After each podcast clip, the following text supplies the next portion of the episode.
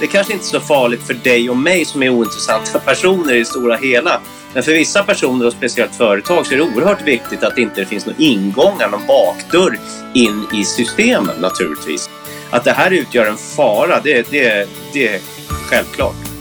Klassiskt lösenord är husdjur, men det ska inte vara hunden eller katten som du har nu, utan det kanske kan vara det här farmors katt som bara fanns när du var liten och som är död för 30 år sedan. Jag läste någonstans att, eh, att en säkerhetsexpert var tveksam till om ens hälften i Sverige visste att man kan uppdatera sin router. Hej och välkommen till Teknikföretagens podcast Tea Time. Med mig, Anna Waje som är presschef på Teknikföretagen, har jag min bisittare som vanligt, Kjell Eriksson. Hejsan Kjell. hejsan, här är jag. Hur är läget? Jo, i dessa tider så händer det väldigt mycket. Pandemi på jorden, man åläggs att jobba hemifrån. Det är inte alla som kan, men de som kan ska och så vidare. Och då börjar jag direkt tänka på det här med just cybersäkerheten. Jaha. Det behöver ju inte bli mer sårbart för det kanske, för många är ju så att säga mobila, trådlösa idag. Men kanske att det i någon slags stress och panik och vi ska inte komma in till våra vanliga arbetsplatser börjar på något sätt flytta ut allting. Jag har ju hört om läkare och sjuksköterskor och sånt som sitter på distans nu och jobbar med journaler till exempel. Och, och man får ju hoppas då att det är, är, är, säkra grejer.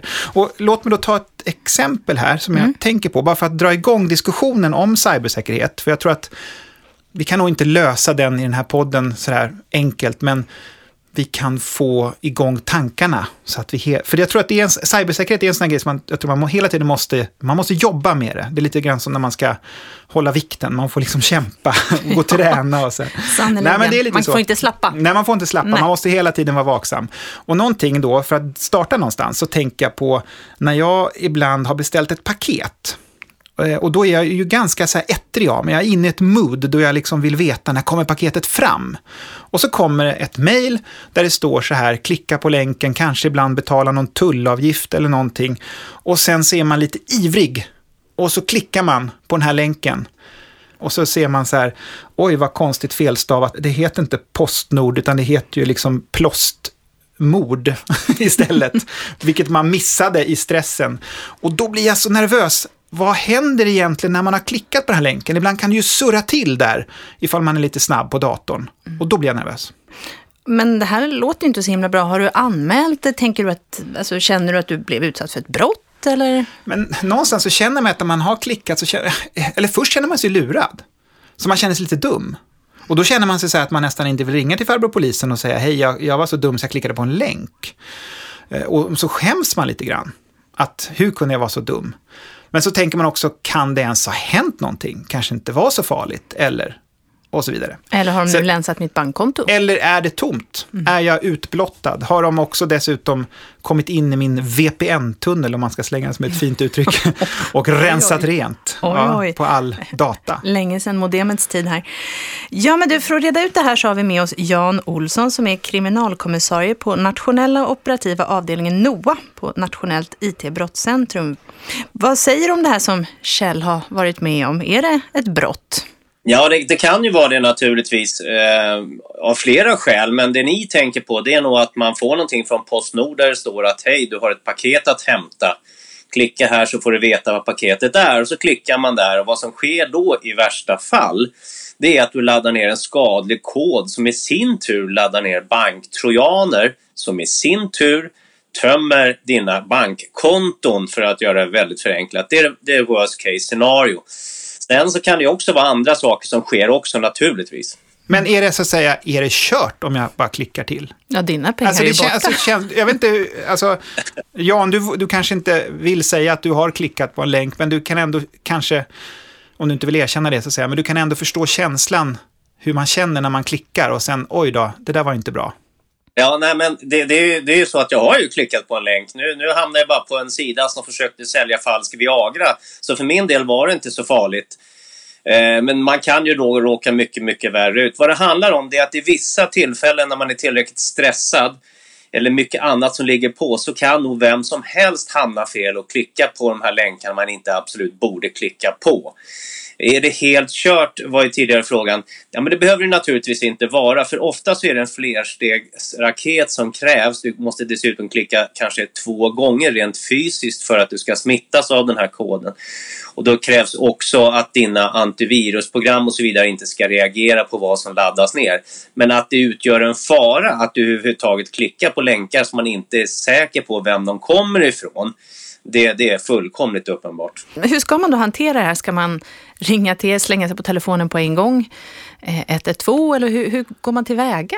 Är det så att man har klickat på en länk och man vet inte om någonting har hänt, då ska man naturligtvis köra en skön genomrensning av datorn för att se om antivirusprogrammen och IT-säkerhetsprogrammen hittar någonting som inte hör hemma där. Och sen naturligtvis ska man väl hålla en viss bevakning på sitt bankkonto så ingenting sker. Men generellt sett så att klicka en gång brukar inte Eh, generera att du gör den här förlusten, men det kan göra det. Så det bästa man kan göra, är man inte säker på avsändaren, klicka inte överhuvudtaget. Och är det en minsta tveksam, är det här min chef som mejlar mig eller är det här någon, någon, ett annat företag som mejlar mig som inte brukar göra det? Ring och fråga i sådana fall om det är så. För då slipper du bli smittad i första läget och det är väl det bästa. Men när någon har skapat ett sånt här mejl, man kan ju ibland uppleva att det kan komma väldigt många sådana också, det kan ju komma sådana här mm. horder av sådana här mejl. Men det är, de har begått ett brott, så tycker du att man egentligen skulle anmäla varje sånt här mejl egentligen? Det, det är så här, grundläggande är man ska anmäla när man utsätts för brott eller försök till brott, för om man inte gör det, då kommer det ju inte in i vår statistik och ser vi det inte i statistiken så kan vi inte heller motivera att det här är ett problem. Och kan vi inte motivera att det är ett problem, då kan vi inte heller satsa våra resurser på att försöka utreda det här och förhindra att det sker i fortsättningen. Så jag tycker att det är jättebra att folk anmäler. Ska man då tro att ens enskilda anmälan, ett försök helt enkelt, ska leda till att det satsas polisresurser? Nej, det tror ju inte jag att någon tror egentligen, utan däremot så kommer det garanterat ge en bättre helhetsbild för polisen att jobba med, eh, just för att kunna då satsa resursen på det här problemet, för det är ett problem. Vi ska släppa in Björn Appelgren också som är med från Internetstiftelsen. Är du med oss Björn? Jajamän. Om du bara kort berättar för oss, eh, vilka är Internetstiftelsen? Internetstiftelsen ansvarar för den svenska toppdomänen.se och vi är en oberoende affärsdriven stiftelse. Vad säger du? Vad tycker du man ska tänka på som privatperson runt cybersäkerheten? Du har ju hört här lite vad Jan sa och ja. hur Kjell har ställt till det för sig. Ja, men det, är väl bra råd. Jag tänker att eh, dels så behöver man skydda tekniken men man behöver också träna upp sin mentala brandvägg. De vill ju ofta få oss att, att agera under stress eller trigga igång våra känslor. Eller så har man en chef som, som står och vill ha iTunes-kontot. Eh, har ni inte fått sådana, sådana massor? Att eh, hej, jag står på 7-Eleven och vill köpa iTunes, kan du hjälpa mig? Alltid från chefer också. Jaha, Jättekonstigt. Ja, det, det har jag mig ja, det har jag fått många. Ja, men man ska vara skeptisk samtidigt också. Jag har ju någon gång varit så skeptisk och sen har det varit min bank som vill mig något. Ja, ja. Och jag är otroligt skeptisk. Och de, men det är klart, då brukar jag lugna dem och säga så här, ni kan ju vara glada att jag är det i alla fall. Jaha. Hittills har ingen av mina chefer behövt någon iTunes-hjälp av mig. Men den här, den här, vad säger du också, Jan och Björn, vad säger ni om den här skammen då? Vi kan känna någon slags skam ja. om vi har klickat på någonting och vi känner oss dumma. Är det säkerhetsskammen ja, nu? Ja, och det där, det där måste vi avstigmatisera för att det, det, finns ju olika nivåer av det här. Är det bara så att du har klickat på någon länk och fått någon skadlig kod och sen så har du blivit av med någonting. Den skammen kanske inte är så galet stor men däremot så har vi det som figurerar nu väldigt mycket, de här investeringsbedrägerierna där de lurar våra äldre på 700 miljoner kronor i, om året där har vi en enormt stor skam att man har gått på de här enkla lurendrejeri eh, affärerna då, eh, som då figurerar på Facebook framför allt. Och där måste vi avstigmatisera så att folk inser att de är bara brottsoffer och ingenting annat. Det är inte de som är medskyldiga till att brottet begås. Men så på något sätt känner de och det gör de av flera olika skäl. Bland annat har vi märkt att väldigt ofta så är dess personerna i dess närhet som pålägger dem skammen att hur kunde du vara så dum? Så Kjell var inte så dum som hade gått på ett sånt här mejl? Eller han ska inte skämmas i alla fall? Ska skämmas, nej. nej. nej, nej. Det, det, det, är som du säger, det är väldigt viktigt om vi ska komma till skott och få, få stopp på de här grejerna ju. Så måste vi också kanske då våga berätta vad vi har varit med om. Men jag måste fråga er båda, finns det några tillfällen eh, när ni tycker att man faktiskt kanske får skylla sig själv lite grann, att det här erbjudandet var lite väl bra för att vara sant? Finns det några sådana eller är, är det bara... jag tror att det handlar om att vara, vara medveten om att den här typen av bedrägerier hittar hela tiden nya former. Vi var inne lite på att det, vi lever i lite lustiga tider nu med coronavirus och så vidare. Ehm, och det rapporterades så sent som idag att det fanns fysiska bedrägeriförsök med folk som har plingat dörr och, och påstår sig vilja, vilja ta tester på coronavirus. Så att de här bedragarna följer ju med i samtiden och vad som är aktuellt. Och det skulle inte förvåna mig om det liksom dyker upp massa eh, ska säga, digitala coronabluffar också. Så att det gäller att hela tiden liksom vara medveten om att de här bedragarna också anpassar sig efter vad vi oroar oss för eller vilka erbjudanden vi är sugna på just nu. Så de kommer alltså snart att börja sälja toapapper och handsprit till väldigt förmånliga priser? Det är mycket möjligt. Mm. Det var ju väldigt vanligt här nu för, för, bara en liten tid sedan med de här porrmailen som gick ut att någon hade sett dig surfa på porr och det var filmat och så skulle man klicka på någon fil. Eh, annars så skulle man, eller betala i bitcoin och annars skulle alla få reda på att du hade eh, gjort det här och det fanns också filmer på dig när du onanerade. Då, då kommer det både ett hot som är skambelagt och så vidare. Eh, min mamma fick ett sånt här mejl. Eh, vilket, vilket hon ringde och berättade såklart. Och, och, nu jobbar jag stenhårt för att sudda bort den där mentala bilden. mm. Men just, just, den här, just det här bedrägeriförsöket, det var ju ett, ett, ett massmail. Det var ganska knackig engelska. Det skickades ut till många och så hoppas man att några få fastnar i det här. Men man, man jobbar ofta med liksom den typen av bedrägerier som också kanske frammanar skamkänslor. Jag vill inte att det här ska komma ut eh, och bli känt för alla, även om man inte har gjort det. Och så klickar man på det där och så, och så är man fast. Mm. Nej, men se, den första vågen som jag kommer ihåg, det var ju 8-9 år sedan. Där handlar det om att de skickar till Europas alla länder på alla länders språk eller någorlunda. Och avsändaren var då Rikspolisstyrelsen eller Rikspolisen eller polisen och där framgick det att, att eh, vi har noterat eller vi har registrerat att du har porrsurfat, betala 1000 kronor i direktböter eller få 20 år i fängelse. Då kan man ju tycka så här, vem tror att de ska få 20 år i fängelse? Det här kan ju inte vara polisen.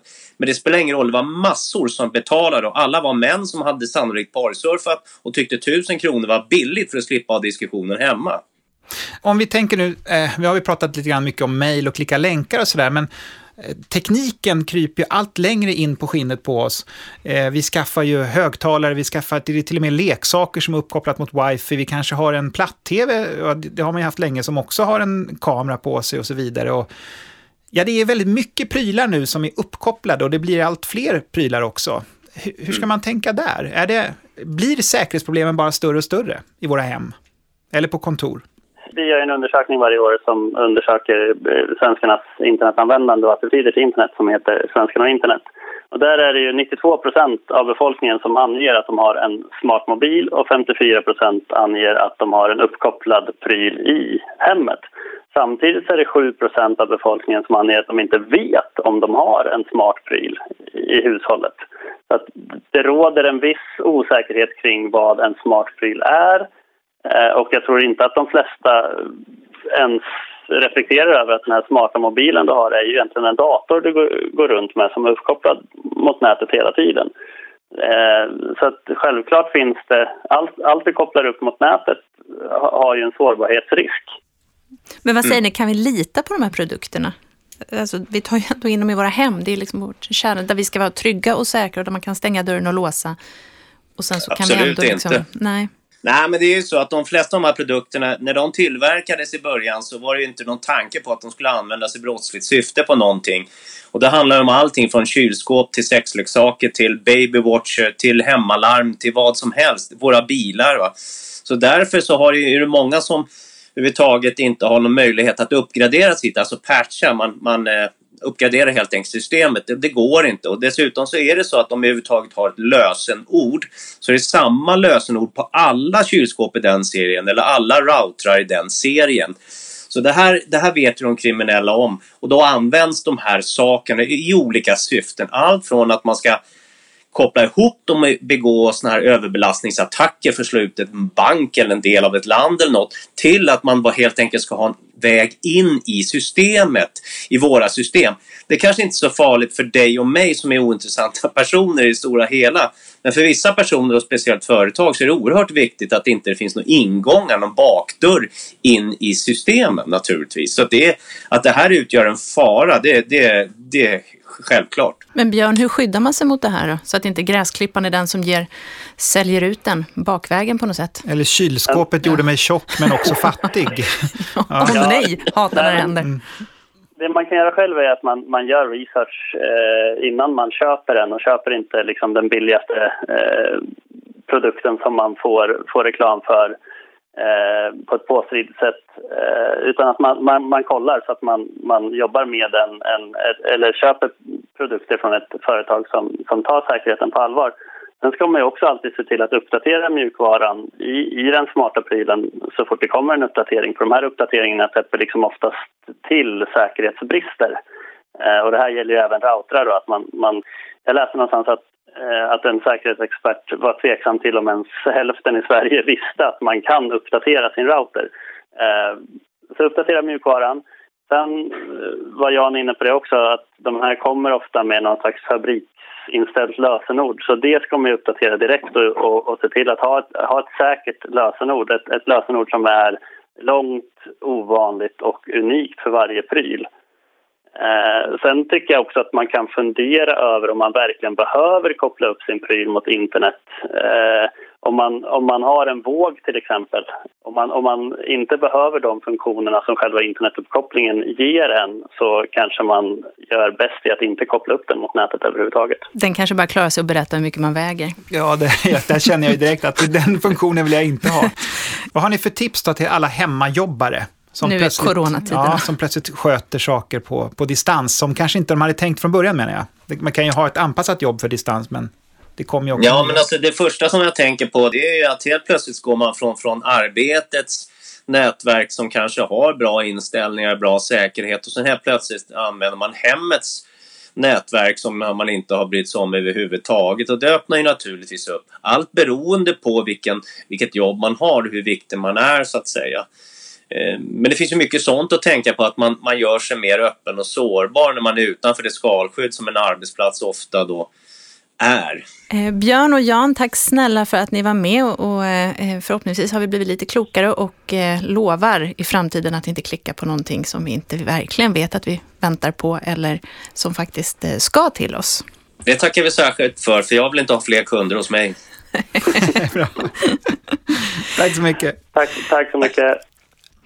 Du, Kjell, eh, Jan och Björn var ju båda inne lite på det här med lösenord och säkerhet för dem. Eh, jag tänkte att vi ska penetrera det lite mer. Eh, vad har du för strategi för dina lösenord? Mm, den är trodde du att jag skulle berätta den här nu. jag hade hoppats. Så enkelt var det. Vad har du för lösenord? Nej, eh, jag kan ju säga så här att jag har ju ändrat den genom åren och det här var ganska många år sedan nu, men jag fick, jag fick mig en riktig näsbränna och det var ju både Jan och Björn inne på det här med att man inte ska ha samma lösenord till alla sina tjänster.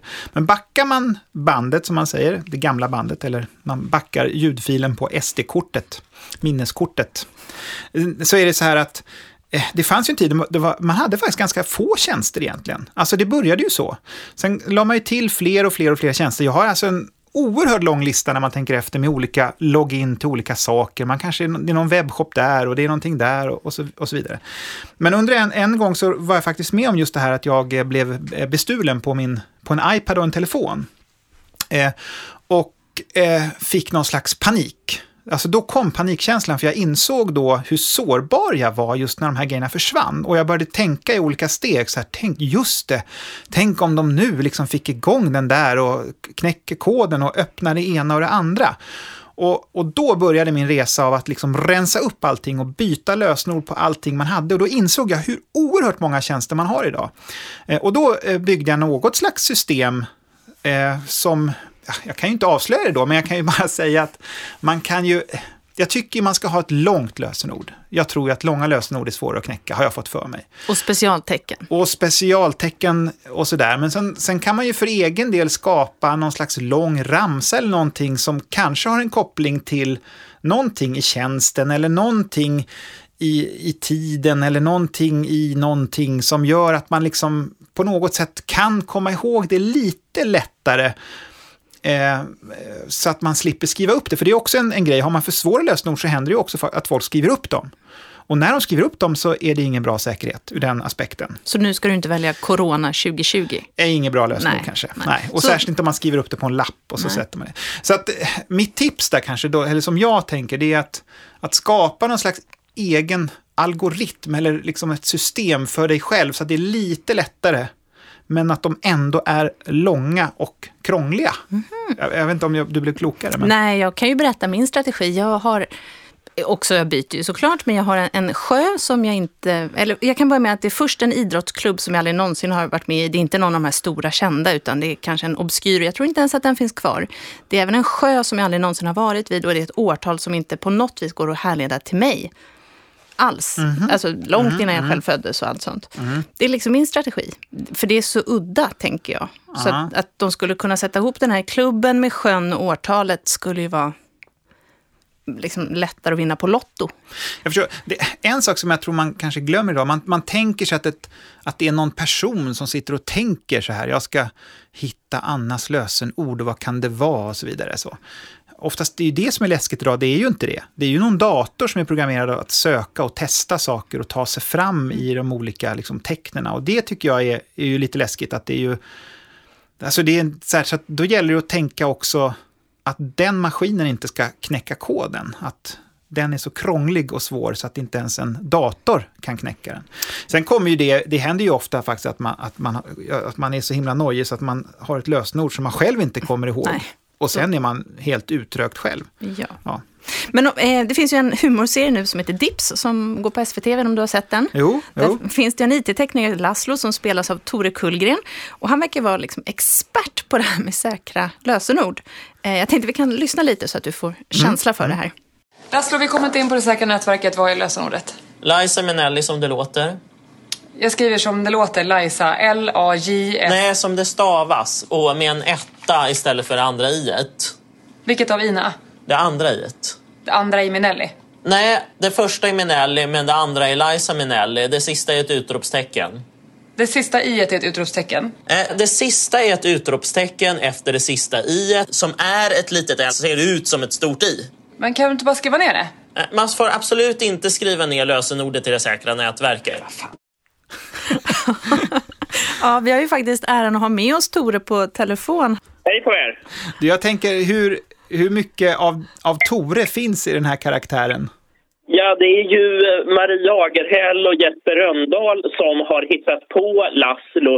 Och ja, man kan väl säga att jag är lite typecastad, men det, det är lite så här med, um, med skådespelarhumor att man tar, ju, man tar ju någon del av sig själv och så förstorar man upp den ganska mycket. Och sen ska det vara någonting som man känner igen. Jag tror att på ganska många arbetsplatser så finns det en Laszlo. Ja, det gör det ju. Och jag tror ju, eh, så som jag känner dig Tore, så tror jag att du är noga med dina lösenord. Är du det? Ja, alltså, jag har den här inställningen att man får på något sätt dela in lösenorden i lågrisk och högrisk. Alltså, lågrisk, det kan vara sånt som typ Netflix-kontot eller webbshop-konto så här som förmodligen, det skulle inte göra jättemycket om någon fick tag på det. Men högriskkonto, det, det är till exempel om man har ett jobbkonto där man har mycket sekretess eller kanske sitt mejlkonto eller bank och sånt här där ja, man verkligen inte vill att någon ska ta sig in. Mm. Och det är väl högriskkontona, där får man ta lösenordsskapande på allvar. Vad tyckte du om Minna och Kjells eh, lösenordsstrategier här då? De var ju tämligen olika varandra, men, men eh, fick ja. de godkänt tycker du? Ja, det är, det är ett sätt att göra och man skulle kunna, man vill ju att man själv ska ha lätt att komma på det, men ingen annan ska kunna göra det, varken människa eller maskin. Och ett sätt att jobba med lösenord är man kan kalla för det här intern kunskap. Mm. Och det mhm. kan vara så att det ska vara någonting som jag har lätt att komma på, men ingen annan.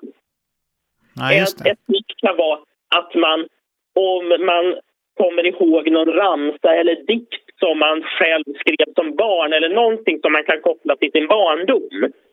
Mm. Ja, just det. När För du då satt kan man ju själv- gjorde lite ja, just det, haiku då- i årskurs tre. Just det, för då kommer, man, ja, men då kommer man ändå ihåg den själv, men den är i princip omöjlig för någon annan att Och knäcka. outgiven. Ja, Karin Boye är utgiven, det kanske är dumt att... Ja, Och, och tomten också. Mm. Ja, nej, det, det ska ju vara dik- dikter som man själv har skrivit. Sen liksom, klassisk lösenord är husdjur, men det ska inte vara hunden eller katten som du har nu, utan det kanske kan vara det här farmors katt som bara fanns när du var liten och som är död för 30 år sedan. ja just det. Och d- 30 år där är viktigt. Helst 30, där går gränsen. Du Tore, hur mycket i karaktären som du spelar den här Laszlo, hur mycket hittar du i dig själv? Ja, en hel del faktiskt. Och, man får på något sätt, ibland när man spelar olika figurer så känner man att man kan vara mer äkta än man är till vardags. Mm. Vad är det som kännetecknar en klassisk IT-tekniker då?